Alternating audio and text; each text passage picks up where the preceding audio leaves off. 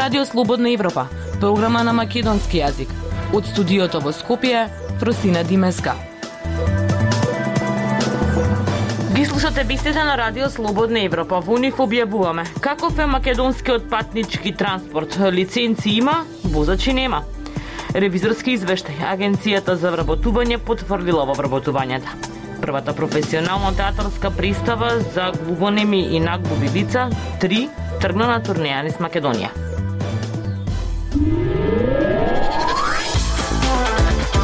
Независни вести и анализи за иднината на Македонија. На Радио Слободна Европа и слободнаевропа.мк. Почнуваме со најавените теми. По несреќата на автобусот на Беса Транс во Бугарија, во која загина 45 луѓе, се отвора прашањето каков е патничкиот транспорт во земјава. Анализите покажуваат дека се издадени 1031 лиценца за автобуси за меѓународен сообраќај, а сертификати имаат околу 15.000 возачи. Повеќе од Марија Митевска. Автобусот на Беса Транс кој учествуваше во сообраќајната несреќа на магистралниот пат Струма во Бугарија немал ни лиценца, возачите не биле пријавени, иако на превозниците согласно законот не има ограничен бројот на лиценци ни на возачи. Во несреќата загинаа 45 патници, а 7 беа повредени. Беса Транс, како што и предходно пишувавме, имала 4 лиценци за автобуси и 4 сертификати за возачи, но конкретниот автобус, како што се покажа, злоупотребувал лиценца од друго возило и македонската граница на тој начин ја поминал повеќе од 130 пати. Се уште не е познато дали возачите имале сертификати потребни за да извршуваат дејноста, но факт е дека не биле во редовен работен однос, како што налага законот. Тоа го потврди и министерот за транспорт и врски Благој Бочварски на пресконференција за несреќата. Лиценците пак за вршење на меѓународен превоз на патници, како што ни одговори од Министерството за транспорт и врски, изнесуваат 14.000 денари денари. Има издадено вкупно 1031 извод од лиценца за автобуси за вршење на меѓународен слободен сообраќај. Во законот се наведува и дека фирмата треба да има вработено во редовен работен однос минимум еден возач по возило. Тоа значи дека Беса Транси по овој основ го прекршила законот. Во однос на бројот на сертификатите во електронската база на податоци во Министерството за транспорт и врски има евидентирано околу 15.000 сертификати издадени на професионални возачи за патнички и товарен транспорт, додаваат од Министерството.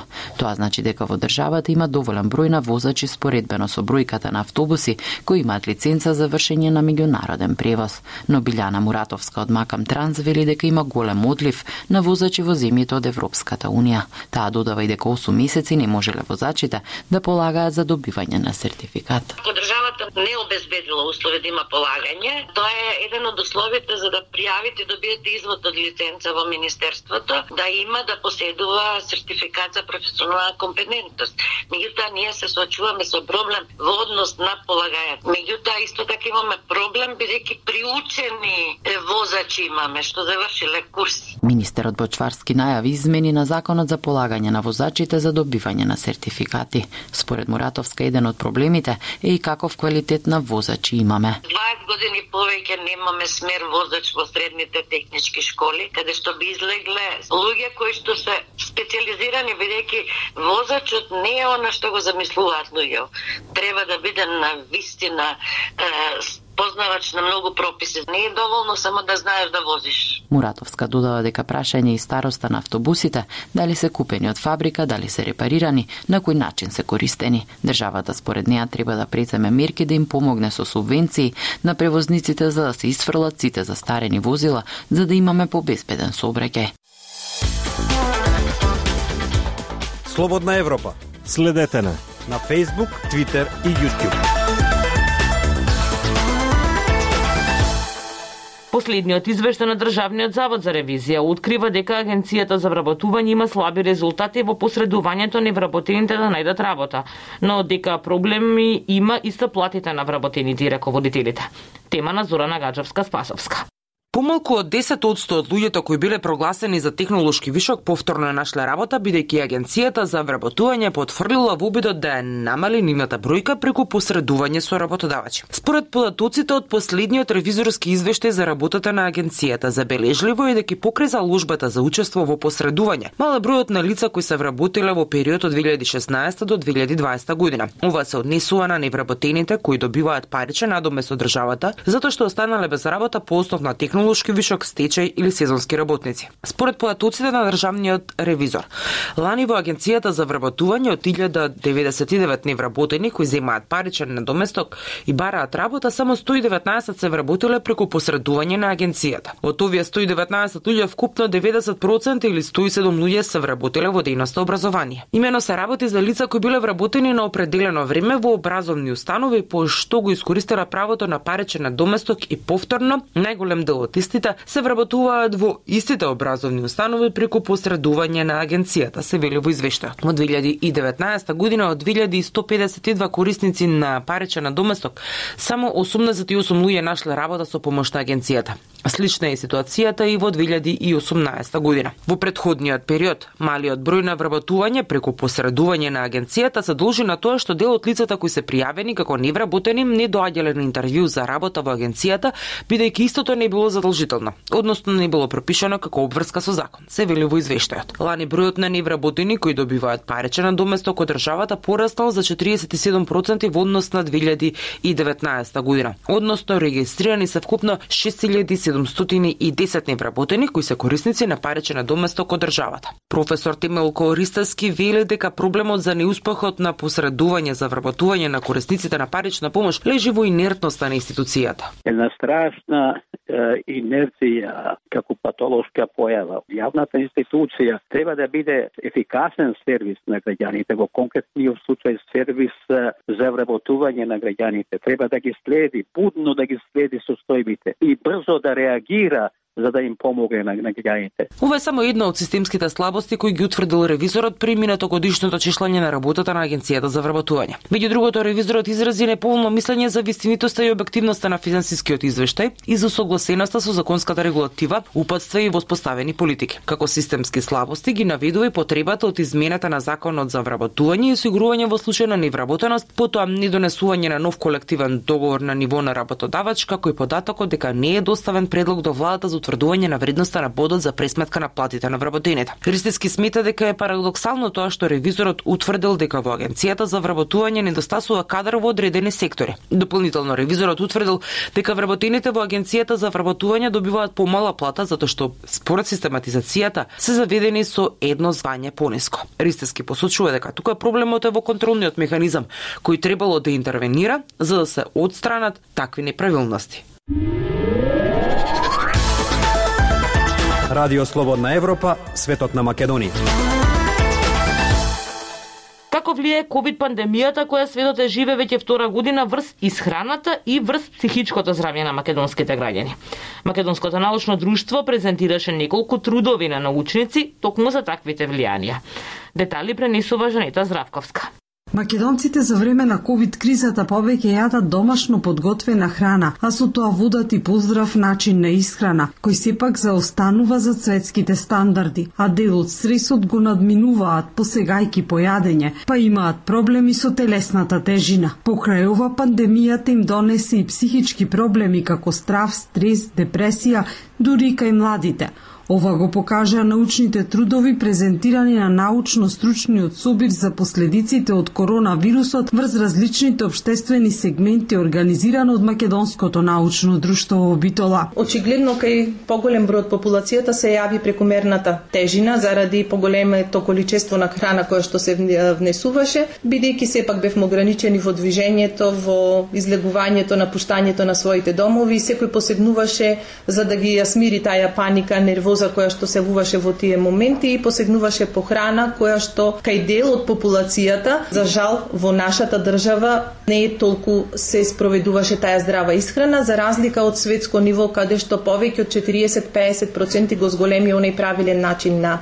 исхрана во тој период на ковид пандемија рече професорката Невена Груевска, преседател на Македонското научно друштво, која напиша научен труд за влијанието на COVID-19 врз исхраната. Во однос на менталното здравје зачестена е појавата на депресија во однос на предходниот период пред појавата на ковидот, а со тоа и агресивноста кон себе и кон другите, па лицата се склонни да обвинуваат некои други, па и непознати работи, покаже истражувањето на психологот и професор Сашо Кочанковски, подпредседател на Македонското научно друштво. Ка се, се јавуваат промени во однос на нивото на стрес, во однос на исцрпеноста, Бърнаут синдромот, посебно кај здравствените работници заради зголемениот притисок на активности на задолженија на своите работни места, намалениот број на персонал, меѓутоа и притисокот и од јавноста. Повеќе трпеа екстровертните. Ниот стил, начин на живење, во комуникација, во активност, во дружење и така натаму.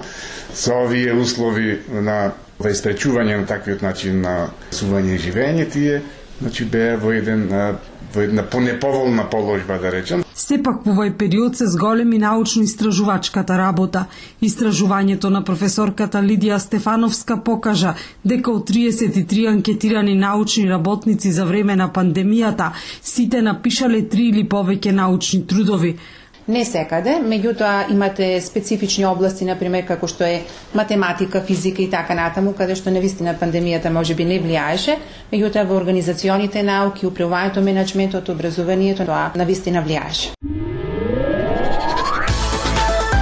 Култура и уметност. На Радио Слободна Европа. 3. првата професионална пристава за глувоними и наглови лица, чиј режисере Јован Ристовски, да деновиве тргна на турнеја по Македонија. По Битола, Крушево и Охрид на 4 декември ќе биде прикажана во Прилеп, а веќе следниот ден на Младинскиот отворен театар во Скопје. Во најава се изведбите во Струмица и Кичево. Прилог на Липчо Јолевски. Во времево на општа грубост и посебно во срединава во која разбирањето и човечноста се категории кои генерално се избркани од обштеството, за среќа се уште има искри кои знаат силно да светнат во тунелот каде забрзано се движиме. И се разбира да не тргнат за кратко и да ни ја вратат мислата дека промени се можни. Само ако се сака, ако се има идеја, ако се има најмногу инаети мускули да се заврти собствениот филм.